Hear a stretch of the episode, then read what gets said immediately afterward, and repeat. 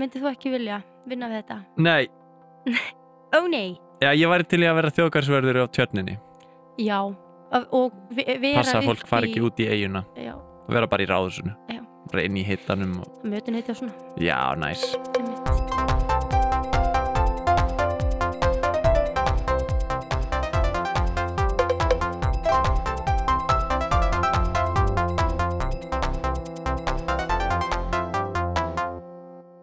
Þetta er hlaðarpið Veistu hvað? Ég heiti Viti Sálegadóttir. Og ég heiti Guðmundur Felixson Í þessum þætti ætlum við að tala um landvörslu. Já, fyrsta sem að ég hugsa þegar ég heyri landvarsla er bara svona að, að hérna, búa ein- einhverjum bústa út á landi og keira um og passa að sé ekki túristar að keira út af veginum. Já, ég myndi segja að það svona félist í þessu. Landverðir eru á frílistum svæðum uh, á Íslandi Já, og gæta svona ímins að þátta. Já. Það er ímislegt í þessu sko, þetta tengist nú allt umhverfisvend nú, já, ok. og mér finnst við byrja að tala. Já. Þetta er, virkar eitthvað leðilegt, Já, finnst þið það? við verðum bara, Sko við erum þetta bara, er færtugasta sekunda sem Já. við erum að detta inn í núna Já. í þættinum. og Og fólk, þeir eru strax frá að leiðast. nei sko, sko þetta er náttúrulega ekki áhugamál sko en, en mér fannst þetta áhugavert vegna þess að það, þetta er mjög svona stór þáttur að sumri mjög marga, margra. Já, Margi sem vinna við þetta á sumrin að vera landverðir já, og maður veit ekkert hvað þetta er Nei. og einmitt, þeir eru bara í einhverju kofa, Já. þetta fólk. einir.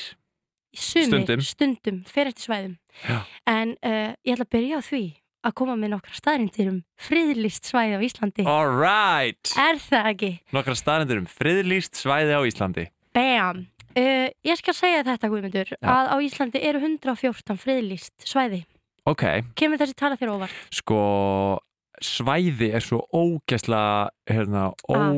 ó svona lít eða sko svona ór, hvað heitir það? Já, Svona hugtak sem að gæti verið bara órætt, hugtak.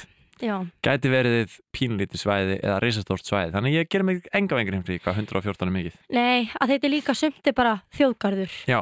Það er þjóðgarður inn í þessu, það er vatnajökuls þjóðgarður, mm mm. þjóðgarðurinn á Þingvöllum og Snæfellsökli. Þetta er allt friðlýst svæði og hvað þýðir það?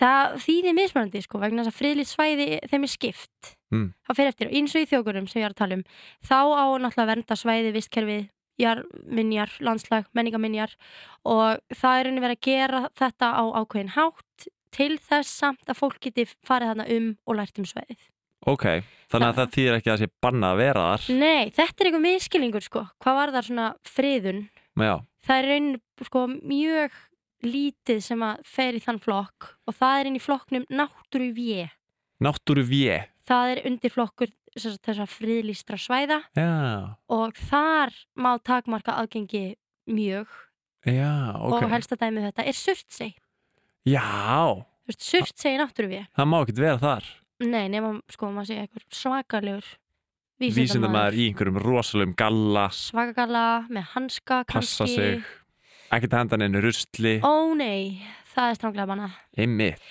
svo eru sko friðlönd og það er hægt að takmarka aðgengi tímabundi já, og frið, friðlandi til dæmis gróta og söldandanesi ha Já. Býtu, það sem en það vitin er er alltaf fólk þar Já, en það má ekki vera þar uh, s- uh, frá 1. mæ til 15. júli samkvæmt Mm. því sem ég las á umhverfistofnun já, ok, að því að þá er eitthvað svona fugglalíf og eða eitthvað, Já. viðkvæmt nákvæmlega og sama gildir um það er flati á breyðafyrði, það er ákveðsvæði þar sem er lokað út af fugglavarpi ég ætla að henda það einnig spurningu sem ég veit ekki hvort þú getur svarað Ó, eigjan í tjötninni er hún náttúru við vá, það væri útrúlega áhugavert mm, Að kannski er hún hafa svona það. friðland bara þegar að það er verið að verpa þar eða eitthvað, Sko, ég veit ekki hvort að, að endurnar á tjötninni séu metið sem eitthvað svona svakaleg tegund sem þarf að gæta að nei, í Reykjavík nei Við þetta er mjög skemmtilegt já, það var En- svona pínu lítið friðland bara, sjöss Já. Ég veit það ekki, Nei, ég held alveg ekki sko að því sko eins og var ég í götuleikusin í Reykjavík og við Já. vorum að synda á bátum út á tjörninni Já, og það var sagt að við va- mættum alls ekki fara inn á eiguna einmitt Já, þannig að ok ég veit ekki, kannski, er landvörður einhvers staðar þar sem er sem er að passa Situr upp á. þarna upp á Farið, svona pínlítill landvörður einmitt, það er einhver sem er upp á skrifstofu borgarstjóra með kíki Já. og tilbúin að stökka út í ef að Já. ég hreinlega veit það ekki maður myndi nú ekki maður myndi nú alveg trúa því með að við eðsluna í borgin, am I right Am I right? brakka, dagur brakki am I right Já, situr hann uppi með með bumbuna sín, ísbruna sína og veldisbrotan sinn uff, fyrir sem segir, nei, nei, nei, Nei, nei, nei. hætti þessu Já. uh, við erum að tala um friðrið svæði mhm uh, ég talaði núna um friðland svo eru náttúruvættir Það eru- náttúru vættir Já, þetta hljómar eh, mjög eitthvað dramatíst eins og landvættir en þetta er ekki þannig Hel, oh. heldur er þetta bara svæði eða náttúrumynd sem þykir ástæði til að varvæta sökum fræðilegs gildis fegurðar eða sérkenna. já, ok, Það er til dæmis ímsi fossar eins og skóafoss og Já. dettifoss líka bara drópasteinar já bara steinarnir. já, bara allir drópasteinar eru Drópasteinar á Íslandi náttúruvætt. og það þarf þá sérstaklega að passa þá og má ekki uh, taka Það má, þá nei, og ekki brjóta þá nei, það má ekki, já, ég skil samkvæmt bara lögum. ok, Svo eru fólkvangar sem eru ímsvæði og það er sem sagt svæði friðlist til útivistar og almenningsnota. mm. Þannig að verndu svæðisins fælst í því að auðvelda almenningi aðgang að náttúru og tengdu menningaminjum. Ok, og þetta voru allir þessi svona flokkar friðlistra svæða sem þú varst að fara Þetta er yfir núna. ólík frákar. Og inn í Já. þessu er til dæmis rauðhólar í Reykjavík. Í- Inn í hluta hverju? Reykjavík, eh, Sem er, na- eh, sem sagt, eh, fólkvangur Já, og hraun í Öxnadalur þar sem Jónas Hallgrímsson fættist. og það eru svæði sem að fólk á að vera á. Það má vera þannig, já. En, Já. en það þarf að sko að gæta þess. Já, og uh, eins og uh, já, eitt, minn helsti heimildamaður hann orðaði sko að friðlýsa svæði var svona eins og takaði bara aðeins frá bara svona aðeins, þú veist, þetta er svæði já, og við þurfum aðeins aðtöfa þetta ok. passa bara, og sko hvert svæði er með sér öðrunni bara reglur, hvað Mhm. var það þá friðlýsingu, hvað megi, Mm sumstaðar má alls ekki vera um hunda, Já, sumstaðar má kannski, kannski verðum við hunda. ef maður fer varlega Mm Ég veit það ekki. Og þá maður er nú ekki að setja sko tölu á allt. Það er Nei. ekki allt uh, verðmætt í peningum. Þá eru rannsóknir og það var gerð rannsókn uh, af Hagfræðastofnun Háskóli Íslands sem sýnir fram á að það að leggja pening og vinnu í friðlisvæði, það skila sér tilbaka í þjóðabúið. Þannig að hún sýndi að fyrir hverja eina krónu sem fer í að friðlýsingu svæða, þar, koma, þar skila 23 krónu sér tilbaka í Byrju 23 svo sinnum meira meira í þjóðarbúið. búið. vegna þess að flesti ferðamenn sem koma til Íslands eru ko- kominga til að sjá íslenska náttúru Já, með því að viðhalda þessu og gera það aðgengilegt og gera það vel já. þá kemur fólk til þess að sjá það og borgar fyrir þess að það þarf að kaupa sér flug og gistingu og Já, það þarf að ég borða skil. hér og þar Þannig að það er bara búið að sína fram á það að fólk er að koma bara sérstaklega til þess að sjá þessi friðlistu svæði. já en ég meina þú veist friðlisvæði er líka gullfoss Já, skilur já. veist, þannig að þetta er já, í rauninu komið til að sjá alla þess að þetta einmitt. Þannig að ef fólk getur ekki metið náttúru bara fyrir náttúruna sjálfa, Mm þá getur það hort á fjárhagsleg gildi. Mm, og hér, hér eru við með bara gallharðar tölur til að sína fram á það. Böum, stjórnarað Íslands, flettið þessu upp. Bæm! En Nei. svo sko undir þjóðgarðinum uh, og á ýmsum svona friðlistusvæðum, Já. þar starfa til dæmis landverðir. Einmitt. Og landverðir eiga að gæta þess að lögureglur um það svæði sem þeir eru á sjövirt. Mm og auk þess að ég líka í raun að upplýsa og fræða gesti um svæðið, um náttúruna á svæðinu, um Hmm. sögusvæðisins mm, og svo bara sjáum viðhald. Ok, Þannig að það, þeir eru kannski á svæði og það þarf að laga göngustíga eða já. tínarusl og merkingar já. og eiga að vera svona í rauninni, þeir eru ekki með sko neitt vald, uh, þeir geta ekki sektað túrista til dæmis Mæ. eða ferðamenn, Mm. Beint. Mæ. þeir geta haft samband við lauruglu. Þeir eru svona smá eins og securitas öryggisverður í, í uh, maturverslun.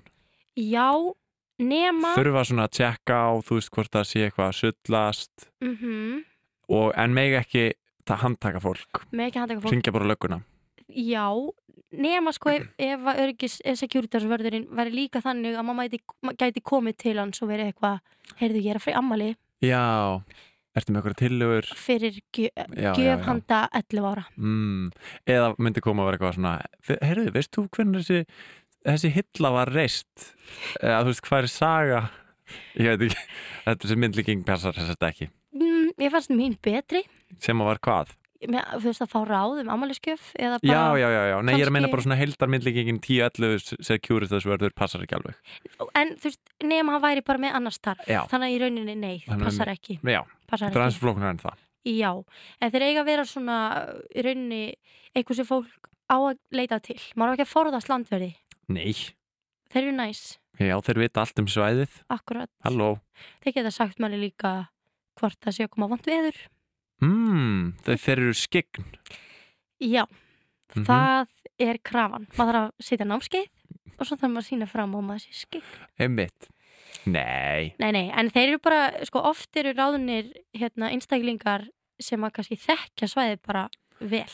Akkurat. Kannski koma þaðan, Mm en svo þurfa sérst allir, eða það er ekki nöðsilegt, en þeir hafa forgang sem hafa setið námskeið Mhm. sem er heilar 110 klukkstundir og það sem er læra um alls konar þætti tengda þessu og þeir að borga fyrir Landvöslu, það. náttúruvernd, uh, stígasmíði, Mm, Já, Eh, uh, til... skyndi hjálp. skeindi hjálp, mjög mikilvægt. Mm algjörlega það er mjög mikilvægt þannig að þeir eru að gera alls konar í þessu og eru í, í einhvern veginn uh, þurfa að fylgja lögum og reglum og ákveðnum svona já, vinnu brögðum mhm. Er Og- frí gisting, hvernig virkar þetta? Er landverðir fáið borgað og, og fá frí gisting og frían mat og svona eða? þeir fá laun, Já, þetta er vinna já, jú, það, jú, þeir fá oft sko, þeir borga ekki verið gistinguna nei, nei, og mér minnir að sé þannig að sé ákveðnir svona dagpenningar að gert ráð fyrir ákveðnum uh, já, ákveðnum upp að sem áfæri mat já, sniðut. vegna þess að þeir sem eru svona upp á hálendi bara, Já.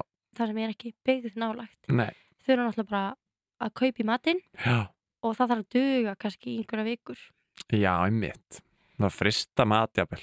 Já, er ekki fristi kista held ég upp á hálendi Íslands. Ha, Það er ekki fristi kistur í Já, bíddu. skálinum. erum við að tala um að það er ekkert ramagn? Ég meina, það er ekki alls það rafmagn, nei. Nei, Við erum að tala um sko, ef þú ert komin bara eins og undir vatnaðjökuls þjóðgarði, mm. Ah. það er rafmagn hjá þingvöllum. já. en ef maður er komin kannski í vatnajökuls þjóðgarð bara uh, skil, Já. Mm. lengst inn í landi Nei, auðvitað, já, auðvitað, ekki fristikista nei. og jafnvel erfitt að fara í styrtu sko. Já, vá, það maður þarf að vera útsjónasamur. já, Hmm. ekki rennandi jú, ég, það, er- nei, ekki rennandi vatn allstaðar Ok, mér fannst þetta hljóma mjög spennandi bara vera eitthvað staðar upp í einhverjum bústað að fræða túrista um einhver svæði en nú ert þú að segja mér að það sé ekki einu svona rennandi vatn nei, í þessum stöðum nei, ekki allstaðar myndið þú ekki vilja vinna við þetta Nei, ó nei, já, ég væri til í að vera þjóðgarsverður á tjörninni já Af- og vi- vera passa að fólk fari ekki út í eiguna já, og vera bara í ráðursunu Já. bara inn í hittanum og... mötun heiti á svona Já, næs Einmitt. Nei, ég held einmitt að það er nú oft þannig að þeir sem sækja í þetta starf Já, brenna nú fyrir, úti vist og, og svona já. Og Já. sumstaðar einmitt er maður einn, ekki allstaðar, oft eru fleiri í skálanum og það eru skálaverðir og svona mm. og það er alveg fólk á ferli Já, já, og þetta er að vissuleiti félagslegt starf vegna þess að maður tala við alla vegfærendur og svona. mm -hmm. En já, maður er svona að kunna með þetta að vera einn og einn með náttúrunni. Já, algjörlega Uh, en það er ímsir í því og það er til sem sagt, Landvarafélag Íslands Já, það, eða Landvarafélagi, það var stopnað árið 1976 ok og í janúar voru ykkur rúmir 200 skráðir í það félag Ekki meira Nei, Það eru bara, sérst, bara 200 að passa þessi 114 svæði. sko, ég held að séu færri mér, sko, þetta er, þetta er breytilegt vegna þess að sumir eru nokkra vikur og aðrir eru, uh, þú veist, allt sumarið Mm -hmm. og sumir eru kannski bara ekkert í Landvarafélaginu Alltaf séu einhverjir sem að vinna allt árið sem landverðir. Já, Já, það, pottet. það eru heilsástöður ekki endilega alveg upp á sko með, til dæmis vatnaðjökuls þjóðgarður Nei, þess að bara hálendið eh, Já. uh, eða miðhálendið, já, það er lokað á veituna Á, Þú veist, það er fullt af svæðum snæfett líka, það eru svæði sem opna ekkert fyrir en bara á mjög ákveðin tíma og, og umferði bara bönnuð já, ok. Bara eitthvað hlið já, bara lið, sem bara lokað.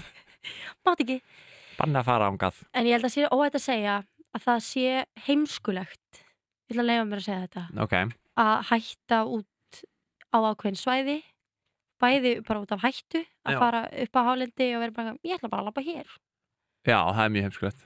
uh, og láta enga vita uh, Mm það þarf náttúrulega aðtöga með veðspóna Já, og svo er líka mikil vannvering að, að haga sér eins og manni sýnist á Þe- frilýstum svæðum auðvitað.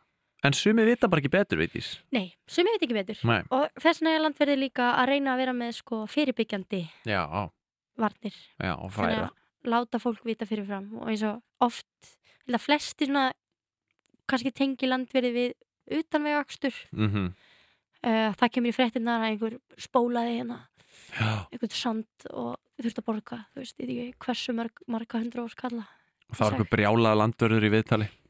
Bara, hvað hva rugglir í gangi hérna?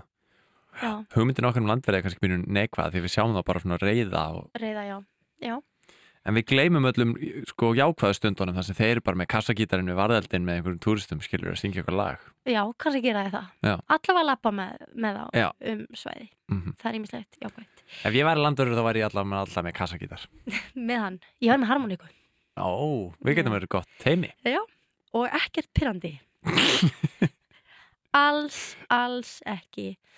Nei, og við ætlum að fá landvörð í viðtal eftir smá. Mm Uh, fyrir það, nýr liður sem tengist þessu efni. Við þurfum að sinna landinu okkar vel. Já, og ég ætla að fara með þig Guðmundur Felixson yfir í hotnið Nostalgíu hotnið ú,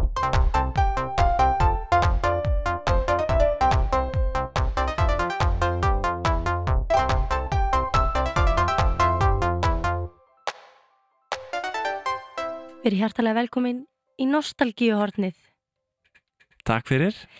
Nú veitir enda ekki Guðmundur hvort þetta sé jafn mikið Nostalgíu hot fyrir þig og marga aðra Nei, vegna þess að þú ert hlutdragur já, þú ert búin að segja mér að spila ákveðið lag í nostalgíuhotninu. Já, Er nostalgíuhotni bara þetta lag sem við ætlum að heyr hlusta á?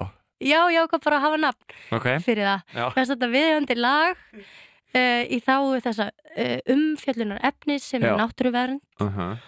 og þetta lag satt í mér sem barn og ég var pínurhætt við það Já, ekki það að mennirni sem syngja það séu ókvæmlegir Nei, en þeir eru að leika personur sem eru ógvænlegar í þessu lagi.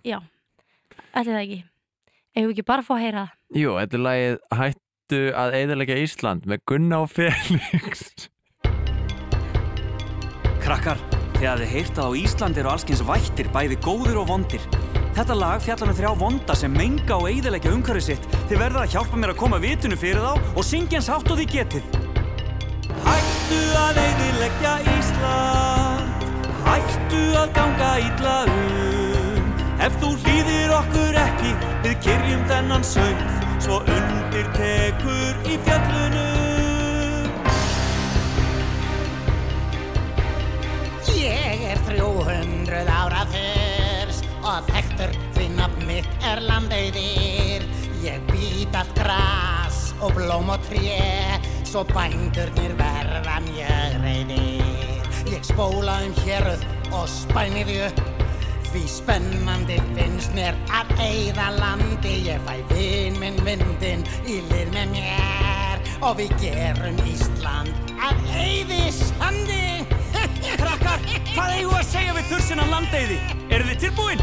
Syngið þið með mér? Nei, ekki gera Hættu að eidileggja Ísland Hættu að ganga illa um Ef þú hlýðir okkur ekki Við kyrjum þennan söng Svo undir tekur í fjallunum Ég er óperudífa og dreki og dásamlegt nafn mitt er mengunar steppa eldi ég blæs og bannavænum guðum beint á þá sem sig eru að yppa á sumrin gef ég frá mér sót því sólina bjarta ég þóli ekki og blómstrandi túnum ég breyti grjót Þá eruðu búin að læra þetta, látum mengunarstippu heyra það Hættu að neyðileggja Ísland Hættu að ganga illa um. upp Þetta er náttúrulega stórkostlegt lag Þetta er það. Þetta er að vissuleiti, eða sko, þetta er vissulega ekki um fólk. uh, Ha, Þetta er ekki um skiluru, að fólk sé að menga þetta er ekki, hérna, nei, þetta er ekki, ég er túristi frá Amsterdam, ég vann ekki heima vinnuna mína. Ég er með fullt af kannabisefnum og reiki Þetta þau er fordómafullt. Já, þetta er fórtum Þú ert að alhafa núna um þjóf bara út frá einhverju. Já, ok Ég ætlaði miklu frekar að fara út í eitthvað svona, bara væri ekki almennt. Ég er feitur bandaríkja maður Nei, afturkomundur, Þetta þetta er fordómafullt. Já, ok Oh, En skilabóðan eru góð Gunn og Felix voru greinilega langt á undan sinni samtíð í náttúruvernd já, eða svona náttúruvernd fyrir börn já. Það lag kom út heldur 96 Já, satt mikið í mér Já. sem barn, mér er það frábært. og, og ákvast að hugsa þinn gang Ég heldur betur og ég hef ekki eðlagt Ísland síðan. Nei, Ég hætti því bara. já Ef þú hlýðir okkur ekki, við kyrjum þennan söng Svo undir tekur í fjöllunum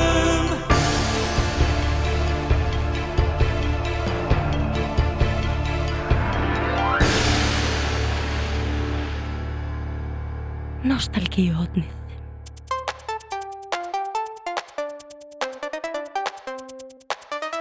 Þá erum við komið með góðan viðmælenda. Þetta er Katrín Palmadóttir og Þorgerðardóttir. Vertu velkomin. Takk. Þú hefur unnið við landvörslu hversu lengi? Ég vann í landvörslu í fimm sumur styrka bát, svo var ég að leysa svona af og til á ymsum stöðum Mm. þar á milli. Og varst alltaf, hve- eða svona, hvernig dastu inn í þetta? Það var eiginlega bara algjör tilvílun, sko. Það var hérna, ég bara einhvern veginn, vissi ekki eins og hvað þjóðgarður væri, bara fyrir nokkrum árum, eins og öruglega margir. Þetta er eitthvað svona sem maður á að vita, alveg maður hefur farið á þingvelli og eitthvað svona. En svo bjóði ég í Svíþjóð og sýstinn var eitthvað mjög peppið fyrir því að við myndum sækja saman um vinnu sem landverðir. Og ég er svona eitthvað, ok, hljóma vel, hvað, erum við að fara að, þú veist, selja rúpuð eða, þú veist, ég veit það ekki, eitthvað, búum rúmið eða hvað? og hún sá fyrir sér bara svona eitthvað mjög dull og svona ekstra út á landi, í einhverjum kofa bara einar í náttúrunni eh, sem er náttúrulega kannski ekki alveg alltaf raunin Mhm.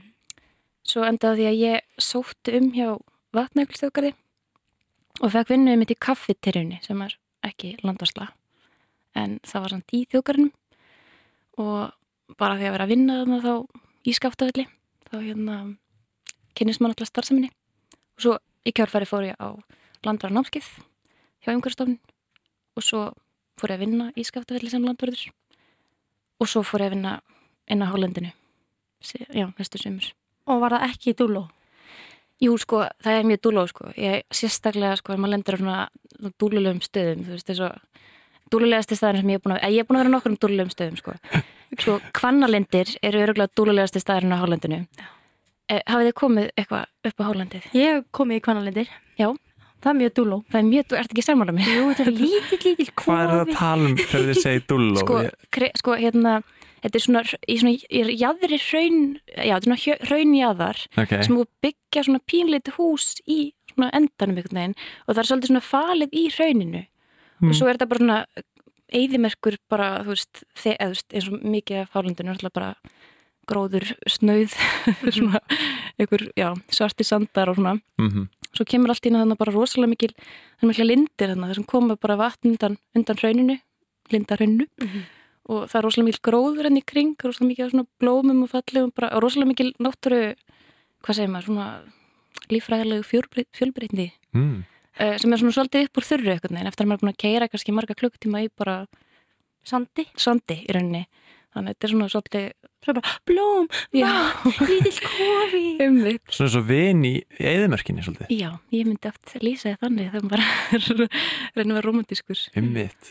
En þú talar um að svona hugmyndir um landvarastarfið sé kannski svolítið að vera í kofa út í náttúrunni sem er held í nákvæmlega þar sem ég sagði hérna áðan Já, að ég væri mín hugmynd um það, bara vera Já. eitthvað einn út í náttúrunni eh, svona svolítið romantíseruð hugmynd en Já. þetta er kannski ekki endilega alltaf það eða hvað, hvernig Nei, svo gengur náttúrulega- starfið svona fyrir sig Já, sorry, já. Nei, ekkert mál, uh, maður kannski gleymiði stundum eða ég held að kannski margir íslendingar sem að vinna ekki við ferðarþjónustu átta sig ekki á því hvað eru margir túristar á Íslandi já, og eh, maður er rauninni, það er alveg svona, ok, það er samt alveg munur á því að vera til dæmis að vinna á lálendinu, til dæmis í skaftafelli Mhm. sem er mjög aðgengilegt fyrir flesta sem eru bara á bíl eða komur úti og ef maður er þar til dæmis í upplýsingamiðstöðinni þá kannski tala maður við nokkur hundru manns á dag mm og það eru allir að spurja já, eiginlega sömu spurningarnar þannig að þú segir það sama svolítið oft þannig að- að vera landurur það er basically bara eins og að vera þú veist, að vinna, já, bara við það að svara spurningum fólks Já, nema bara upp á hálendinu er þetta svolítið öðruvísi þá Já. erstu náttúrulega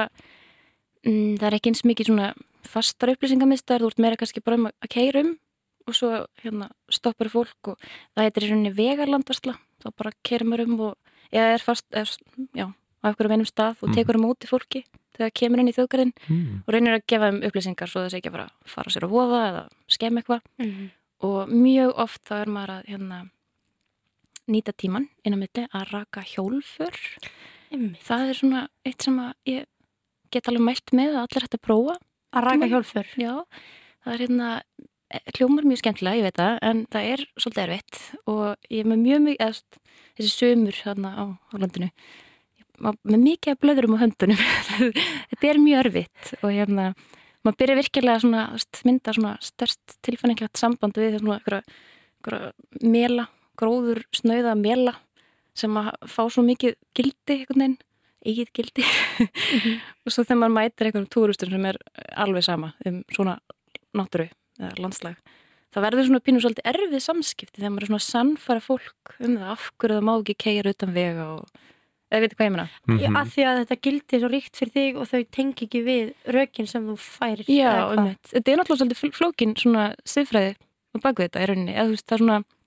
við erum náttúrulega með mjög mikið að siðfræði kringum bara svona líf og lífverur og svo er alveg næsta skref að fara að taka inn, þú veist, kannski lífverur sem eru ekki dýr, þú veist, að taka inn blóm og eitthvað svona, en svo þau ertu að fara að verja bara svona gróðurlausa þekju af, þú veist, ok, raun eru náttúrulega mjög falleg og það er til alls konar raunmyndanir sem eru líka einstakar og, og og fágætar Mhm. en það er eitthvað við það þegar maður er komið með svona hvað segir maður, svona fegurðargildi að, að fagurfræðalt gildi sem að stangast á hjá okkurum gestum sem eru að koma að skoða náttúruna og þau sjá kannski ekki alveg strax sama gildið Mhm. og ekkert bara náttúrulega gestir, þannig að líka við erum alveg með sögu á Íslandi um að fólki finnst ekki s- öll náttúra eins falleg -hmm. Nei, mitt. Þú veist, bara svo kárunjókar það er ekkert mjög langt sem það var hérna, fór í gegn og eitt af, af raukunum hjá, hjá þá verandi umhverfisvara var náttúrulega að þetta væri ekkert sérstaklega falleg náttúra Já, ég sé enga fegur hér. já, mitt var ekki svona einhvern veginn, já, ok, hver, hver ákveður það einhvern veginn, Einmitt. En finnst þér, en finnst þér þú þurfa þá að sannfara fólk um gildi náttúrunar þú veist, til þess að sportna gegn utanverðakstur, er ekki nóg að segja bara að þetta er ólöglegt, þú veist og Já. ég sekta þig fyrir þetta eða eitthvað svona það er náttúrulega mjög, mjög cool að geta sagt eitthvað svona, hei, ég bara, þú veist ég er oftast með, sko, til þess að láta mig virka svona aðeins meira hvað segir maður, svona vígalegri Já, það eru stundum með svona walkie-talkie hérna og svo svona, Upp á þú veist, öxlinni. já, og svo svona þegar að þau eru eitthvað, svona, er eitthvað efast um það sem ég er að segja þá svona kannski fer ég að tala við eitthvað svona já, halló, góðan daginn og það, þá virkar eins og ég sé svona valda mikil eins og ég geti farað að þú veist handaka þau bara beint á eins og staðnum sér þetta kalla á backup já, eða eitthvað. einmitt, bara sérsvitin bara á leiðinni en í rauninni þú veist þá hef ég náttúrulega vald til þess að vísa ykkurum út af svæðinu ef einhver er að brjóta náttúrundarlög eða lög þjókasins Mhm. Já. en ég get ekki sagt hann eitt persónlega sko. Nei. ég verð að fá lauruglan til að gera það Já, einmitt og oft erum við náttúrulega bara að senda fólk í rauninni á næsta lauruglustöð og bara farað að borga það sektina þína og þú veist, það er ekkert hérna, Já, alltaf þau bera ábyrða því að fara sjálf og borga sektina stundum ef við hefum ekki, ef lauruglan hefur ekki mannaflega að senda eitthvað upp á hálendi til að koma og rukka eitthvað Vá, wow. en stundum þá hefur það verið sko af því að svo hefur lauruglan verið að bæta aðeins uh, þau eru komið svona hálendisvakt til dæmis Mhm. og hérna, já og þá voru þau svona aðeins minni samstarfi við okkur Hefur lendið í einhverju svona stappi, þú veist, einhverju svona þú veist, þar sem að þú ert bara ein á móti einhverjum túristum upp á landi og Já, einhverju svona ég alveg hérna, ég er búin að lenda, eða þetta er svona fyndið af því að maður svona uh, maður þjálfast mest í þessu starfi í svona mannlegum samskiptum og líka að lesa í fólk sko. Mm. af því að það eru mjög margir svona sem að svona ljúma Já, ok. svona í opið geða manni og Mm. hérna, maður verður svona svolítið tortrykkin þegar maður er landverður því að ég lendist, eða svo ég einu sinni til þess, þá voru einhver ungi strákar sem voru að keira yfir hérna það er einn á sem er á leinin í, í hérna á ösku upp í ótaðurönni eða þannig inn í, já, á leinin í drega og þar, Mm og norðan verður norðan verður hálendinu -hmm. norðan Vatnajökuls og það er svona einu svona svolítið stór á þarna og hérna oft er fólk alveg svona pínu í pínu sjokkið þegar það kemur hann yfir en svo hitti einhvern mann einhverja tvo gauðra sem voru bara svo skrítnir sem maður bara, þeir virkuðu eins og þeir varu bara einhverju trippi og þeir voru svo geggja sáttir með þessa á og fannst þessu bara geggjað eitthvað og þeir voru pínlinn bíl og ég svona var eitthvað "Bíddu, þetta er eitthvað pínu dubius eitthvað og hérna og ég var eitthvað að reyna á sambandi við og til þess að láta að fá svona upplýsingar um þjóðgarinn og svo bara fór þeir og allt í góðu svo kom næsta par og sagði mér að þessi görur hefði verið að kera utan vega svolítið mikið Mm. og hérna þá voru rosalega fáir búin að koma fram hjá mér þannan daginn eða þess að kæra fram hjá þannig ég fór og kíkti og sá þarna förin, ég tók myndir, sé hjólförin, veit alveg hvernig dekket eru sá mér þess að eitthvað svona fótspor með alveg bara mjög skýrum, þú veist, eitthvað svona skó, þú veist svo fór ég bara að tala þess að stráka þegar þau voru þannig upp í drega um kvöldið og hérna og þeir byrjuði eitthvað að ljúa og, og svo hérna já, var eiginlega svona pínu svona rannsóknarlaurugla og svona heiðu strákar það er bara best að segja sannleikan og, og þeir eiginlega bara, þú veist tristum mér svo mikið einhvern veginn og bara, já það er satt, við gerðum þetta og það var svo ógíslega gaman og tilfinningin og, og þetta var svolítið skrítið þegar maður fæ- hefur þetta valdið fólki einhvern veginn að svona fá það til að játa eitthvað svona, þú veist sem er raunalega glæpur Já, einmitt. og hérna, ég veit ekki alveg hvað þið fengu stóra sekt, sko En fegstu þá lögreglunum til að koma og sekta þá eða hvernig virkar Já, já, mitt, þegar þeir eru búin að játa það og skrifa bara skýrslu það? Ok, og svo kemur lauruglan og sekta það. magnað. En En þetta er, sko, já, þetta er samt ekkit oftast eitthvað svona mjög sjaldan sem maður finnur fólki sem er að kera utan vega, sko. Mhm. Eða þú veist, það er nema og grípu það utan vega. Það er bara alveg, eiginlega líkiladreiði. en er þetta heldur þessi, er, er þetta einbeittu brotavilji eða veit fólk bara ekki að það megi ekki? Eða fattar Sko, ekki? Það er mitt málið, þetta er alveg svona, þetta er svolítið fríka þegar maður byrjar að tala við fólk af því að fólk veit alveg að þetta má ekki í löndunum sem þau eru frá og þú veist, svona, veit alveg að þetta er svolítið hartekja og svolítið mis, mjög margir sem koma að tala um svona, já, já, það er mjög, þetta er rosalega ólöglegt í Mongolíu og svona, rr, og veit alls konar svona, sko, staðrendir en svo er eitthvað svona við að að koma hinga og svo kannski líka þegar maður sér hjólfur utan vega, þá hvernig finnst það mér svo þetta sé í lagi eða bara hljóti ekki að gilda sömu lög hér og annar staðar eða eitthvað, eða þú veist Einmitt. Er það þess vegna sem þú ert að raka hjólfur? já, það er meðalans til þess að draga úr af því að þú sérð hjólfur þá náttúrulega það Mm, gefur ákveðin skilabóðum og þú meir gerir þetta vega en svo er það líka náttúrulega bara ákveð svona fagfræðilegt gildi að við viljum reyna að hafa þetta ósnortið Mm -hmm. en það er náttúrulega ákveðin þversjóknir að fara að raka þannig að það verði ósnortið aftur Já, já, já. það getur bara að gerast Snertað meira til þess að Já. verði ósnortið. Einmitt. og rótal rosalega mikið í því til þess að Já. það verði einhver daginn eftir nokkura ára frostlýtingu, kannski sléttara Einmitt. Vá. Já, þetta er náttúrulega bara nánast óafgræft ef fólk kerir. Já, mjög oft sko Þannig að maður svona ég veit ekki, maður séu stundum svona svolítið grófan vetarastur og þá hérna, þetta er alveg pínu fyndin tilfinninga þegar maður finnur svona, þú veist svona rosalega sterka tilfinningu fyrir einhverju svona sem er í raunin ekki hefur enga tilfinningar mm Mhm. þetta er náttúrulega bara þetta er landslag í raunin, þetta er eitthvað En Þetta er samt eitthvað svona, það er eitthvað sem er búið að liggja þarna og í mörg, mörg, mörg ár og algjörlega ósnert og svo kem ég bara á fína bílunum mínum og eiðilegða. Já, það er eitthvað fyndið við þetta, finnist það bara í lægi einhvern veginn Þú tala mikið um erlenda ferðamenn en er það meiri hlutin sem kerir út af vega? Eða, um, Já, sko ég held að Íslendingar eru svona kannski meira meðvitað um þetta núna allavega það er alveg búið að ræða frekar mikið um utafrækstur í fjölmiðlum og bara það er alveg ágætt samstarf við þessi ferðafélug sem eru mest kannski já, svona já, þau eru náttúrulega eiginlega ábarkustu aðlarnir sem eru að ferðast sko. þetta er náttúrulega ferðafélugin eru flest bara frumkvölar í náttúruvernd á Íslandi það er kannski aðalega svona eitthvað svona grásvæði eins og þegar maður er að smala það er náttúrulega þá er gildara reglur og Mhm. svona það eru einstaka dagar þar sem maður má en aðalega er þetta bara útlendingar sem koma og kannski já, ég, ég veit ekki alveg, ég er búin að vera pæla mjög mikið í þessu sko hvort þetta sé bara eitthvað svona að grípa mann eitthvað stundabrjólaði eða ég veit ekki alveg mm -hmm. Ég mynd, En þú sagði nú, eða sko, landvarsla snýst nú ekki bara um utanvega nei, nei. Hvernig er svona stemningin í, í lilla kofanum? Já, Má segja það? það er alveg svolítið mismöndi sko því að ég er mitt búin að vinna á nokkrum stöðum og í kvannlendi með mér náttúrulega einn það er einmenningsstöð sem er mjög kósi Er það sjaldgæft að það sé svona einmenningsstöðvar? uh, Já, þú veist. Já, svona það er eiginlega Já, alltaf það sé ekki eða ég er ekki alveg klóra hvort því sjálfgjátt en nú kannski, ég held að þessi betra núna er oftast talið betra að séu svona fleiri á kannski hverju stöð bara upp á praktist því að þú getur, þú getur gerst svo miklu meira uh, ef þið ef þið eru minnst okkur stu tvö Já, já, þá eins og til dæmis þegar maður er að, að sinna ykkur viðhaldi á svæðunum þá er stundum erfitt að vera að bera 200 kílóa einhverja bjálka eða eitthvað Mhm. eða fúrst einhverjar risa hellur eða eitthvað ef maður er einn og bara að lifta einhverjum svona dóti mm -hmm. en það er samt alveg talsvert sko samstarf náttúrulega á svæðunum þetta eru svo stór eins og þjóðgarun til dæmis þá er þú náttúrulega hefur komið á naustursvæði Ég kom með þessu sveið, já. það er þarna kverkfjöll, kvannlindir og krepatunga og það er oftast bara eitt landur á hverju svæði og svo valikastunum í Möðrudal og það var fyrir ekki sam mikið samstæðar á milli og við landverðin sem er yfir í ösku þó að það sé einn og hálfu tími eða eitthvað að keira. Þannig að maður Milli. fer svona á milli og hittir hinn á landverðina og Já, svona. það er alveg frekar mikið samstarf. Mm. En hvernig gerðið þið með mat og svona?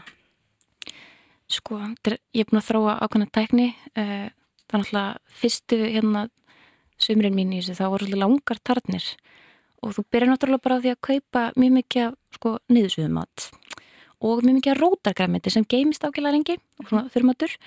Þú klárar náttúrulega alla ávegstur svolítið og ferst græmiti mjög s- snemma en þá er gott stundum að vera með hann að litlu hafði ekki séð hann að litlu svona búst eða eitthvað hvað er þetta, svona, þetta er svona juice sem er bara svona, þú veist, ávegstir í svona glerkrukkum Já, svona smoothie. Þannig að maður þarf svona svolítið að vera með svona tricks til að geta fengið eitthvað ferskt þegar líður á þriðju, fjörðu og fymtu viku til þess að maður sé ekki hérna bara að borða niðursuðumat. já. Fá ekki skyrbjú. Já, um mitt. Ég held að það eru rúglega eitthvað sem maður væri vandrast að fá. En annars getur maður líka alltaf að redda sér eitthvað, múta hérna einhverjum sem er nýri byggð til þess að senda upp eitthvað. Einmitt. Af því að það er ekkit ramagn Eða hvað? Sko, það fyrir náttúrulega eftir því hvar maður er sko. Já. En hérna flestir staðir eru náttúrulega með annarkvort sólarselur Já, eða hérna eða bara eins og til mitt sér drekar komin með þess að vindmila en svo er þetta líka hérna gaskinding já, já og svoleiðis Mhm. en uh, það er rafstöð þar líka og Mm. á flestum stöðum er einhverjar svona einhvers konar aðgangur að rafmanni þannig að það er mjög sjálfgætt að maður sé alveg bara úr tengslum sko við raunveruleikan og nútíman en En er það það sem að þér finnst kósi? Eða þú veist, Já, það þessi er það sem er hugmynd? næ sko. Já. Já. Af því að maður er svolítið svona í eigin heimi sko. Mm -hmm. Mm. Það er svona aðeins að kúpla svo út. Já, maður er náttúrulega maður hefur engan áhuga að vera eitthvað að lesa fréttinnar þegar maður er einhvers staðar- ef ef maður er svona miðjuhálendinu og bara einn með sjálfum sér og er svolítið með sem er, er hann kannski í lok tímabilsins og það er ekki, ekkert rosalega margir að ferð það er maður svolítið mikið bara eitthvað að spá í litlu hlutunum í kringu sig og svona stóru myndinu líka og svona landslæginu og svo sé maður eitthvað að flugu verður alveg bara heimilefandi og sé eitthvað pinnlítið lífanna og Oh my god og það er svona þú veist, það verður einhvern veginn allt öðruvísi og svo kemur maður niður í beigð og kemur beintin einhverja bensistu og það er bara svona heill veggur af mismunandi tyggjói í búði Já. og maður er eitthvað svona býtu hver þarf svona mikið tyggjó? Þú veist, akkur þurfa svona marga ólega tegundir og Einmitt. maður verður svona býnu Það er maður nægir ágættis sér Já, það er svona æ- æfingin nægjusemi og núvitund kannski eitthvað svoleiðis. Já, Já. Eru svona svipað típur sem sækjast í landvörslu? Svo- Svipuð námi eða... Eh, það er rosalega mismunandi það er hérna það er náttúrulega rosalega hendugt örugglega að vera með grunn í náttúru fræði einhvers Mm. konar jarðfræði og hérna líffræði og svona og ég hef verið að vinna með slatta af fólki sem eru einmitt bæði úr þessum gerum og líka bara búin að vera land en hérna leðsveimenn og svoleiðis og bara björgunsveita fólk og svoleiðis ég er náttúrulega kemur frá heimspeki Það eru Já. margir í hinsbyggi sem eru landverðir. Já, það er Eða alveg slatti núna allt í einu, finnst mér ég svona svo líka, hafa alltaf við gegnum tíðina verið svona svolítið margir kennara eh, líka, þetta er náttúrulega bara meira og minna svona sí, uh, tíma, eitthvað sem er svona ástíðabundi starf Mhm. og kennar eru margir í frí á sumurinn Mm. þannig að þá getur maður gert þetta og þetta er náttúrulega líka ákveðin kennsla því maður er með fræðslugungur Mhm. á flestum stöðum og þá, já, þá reynir maður náttúrulega miðla Svona að lókum bara, hver, svona viðhorf Íslendinga eða til náttúrunar eða svona vesturbæinga ég er ára á guðmynd, eða bara svona veitinn almenni maður mikið um, þú ert búin að nefna fullt af stöðum til dæmis, finnst þið fólk Já. skilja um hvort að tala eða Nei, almennt ekki, sko. Og ég við ekki alveg, ég, þú veist, er ekki, að þú veist, ég var ekki búin að vera að ferðast mjög mikið á hálendinu norðan vatni ykkur, þannig ég byrjaði að vinna þar, sko. Mhm. En ég kom talveg svona fyrir sunnan jökulina því að bara fjölskelda mín er þaðan. En flestir fara ekkit endilega bara eitthvað skrepp upp á hálendi. Þú þarfst náttúrulega að vera á jeppa kannski og, eða oftast jeppa mm -hmm. og vita svona svolítið hvert úr þetta að fara og það er kannski ekki allir sem hafa alist upp eða svona að sjá gildi í því að vera fara hvert svona út í raskat til þess að vera eitt með sjálfum sér eða Nei. Nei, og það er líka bara allt í læg Vesturbæðingar með líka bara alveg í Vesturbæðingar það er líka bara mjög fallegur Já, Já. öll erum við ólík Já, Já, en það er alltaf gott að vita eitthvað um hérna, um landi sitt og svona og þú ætlar einmitt, eh, þú varst með að undirbúa smá spurningakefni fyrir okkur, Já. ef ekki bara klippið við það jú, endilega Það er komið að loka lið þessa þáttar þetta er spurningakefni, þar sem að við munum vita núna hvort okkar veit meira um hálendi Já, og ég held að það sé augljóst að það verður vigtís en ég ætla að reyna, ég er uh, undirhundurinn í þessari kefni Já, Underdog, Já. Ah. maður er að tala íslensku þetta er rúf vigtís algjörlega Þannig að um, Katrín er búin að gefa okkur þá íspendingu að þetta snúist allt um staði sem þú hefur unnið á er Það ekki?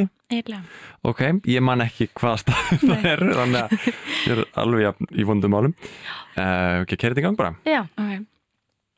eh, Núna er þetta líka náttúrulega höfða til grunnskólamettunar ykkar og svona almennar þekkingar sem Já, allir já, já, íslendingar er að vita rub it in En ok, þetta er svolítið þetta er ekki langur búið ennþá Er þetta Guðmundur. bjöllu spurningar?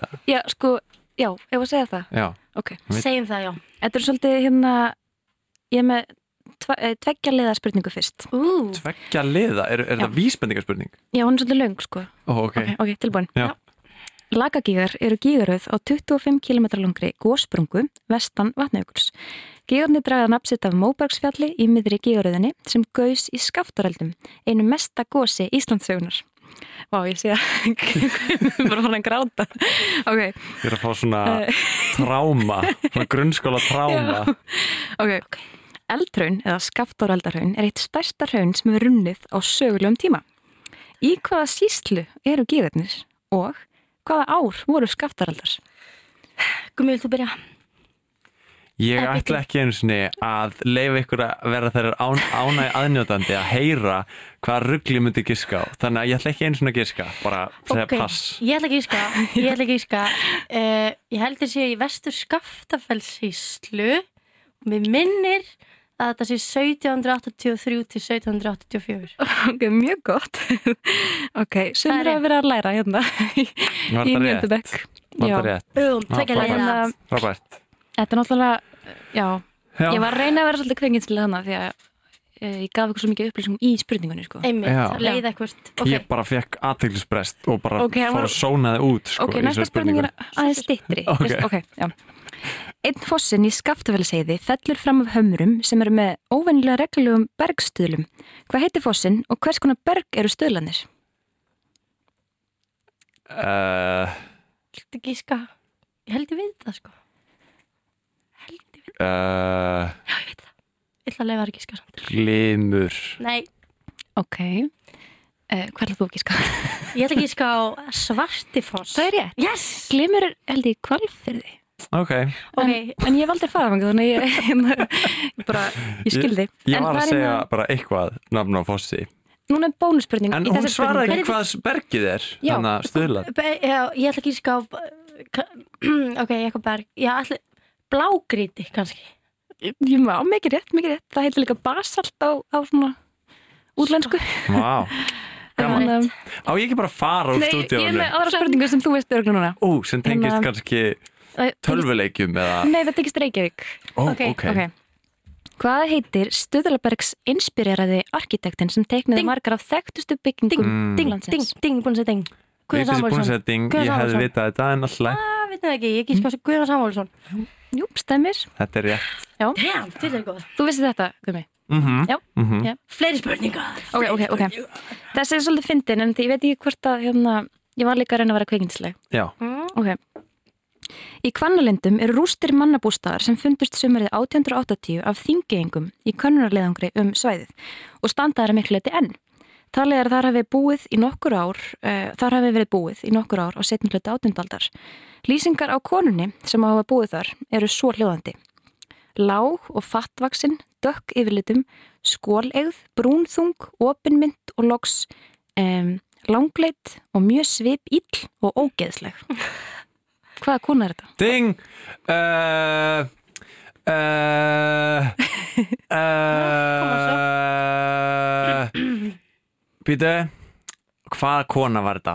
Hérna, lítil Ljót Æ, vá, ég veit ekki, ég var að hugsa bara eitthvað þetta var einhver svona fantasíu Hvaða ljóta konur eru til? Hvaða Hérna, ljóta konur? gilitrutt Ok, Já. góða okkur skil. Það segja það Ég ætla ekki að ská að þetta sé Halla Jónsdóttir kona fjallæfinds Mm. Jónssonar Já, heyrðu, það stemmir bara um Vá, gott vel gisk. gert. Takk Hún er fyrir náttúrulega komið í kvannlindir, þannig að Já, það er rétt Já, auðvitað, hvernig læti ég Heru, Þetta, er- já, meira Ok, Ég Eh, er í næsta. stuði.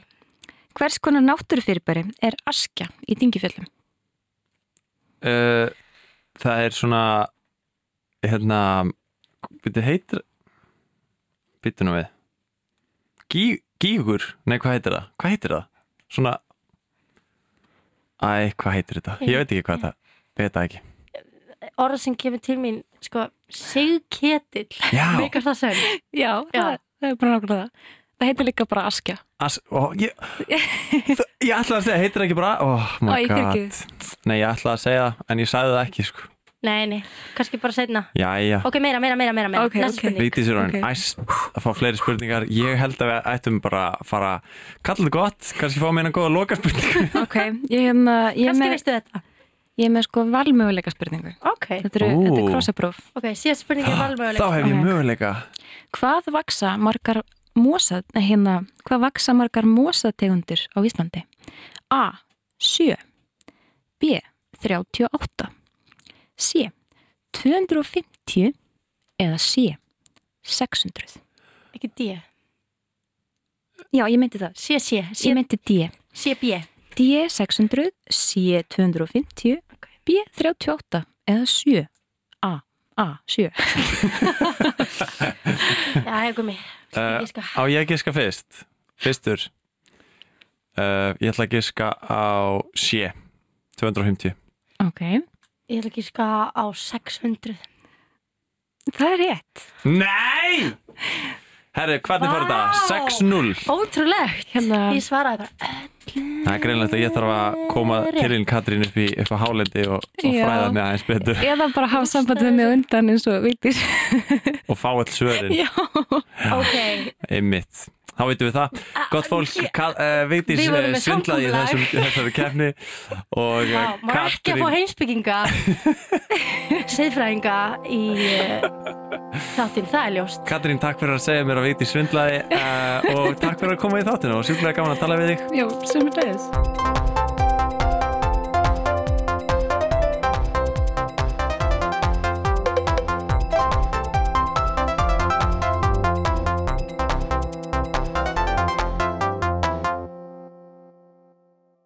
Þú svindlaði ekki í alvörunni? Jú.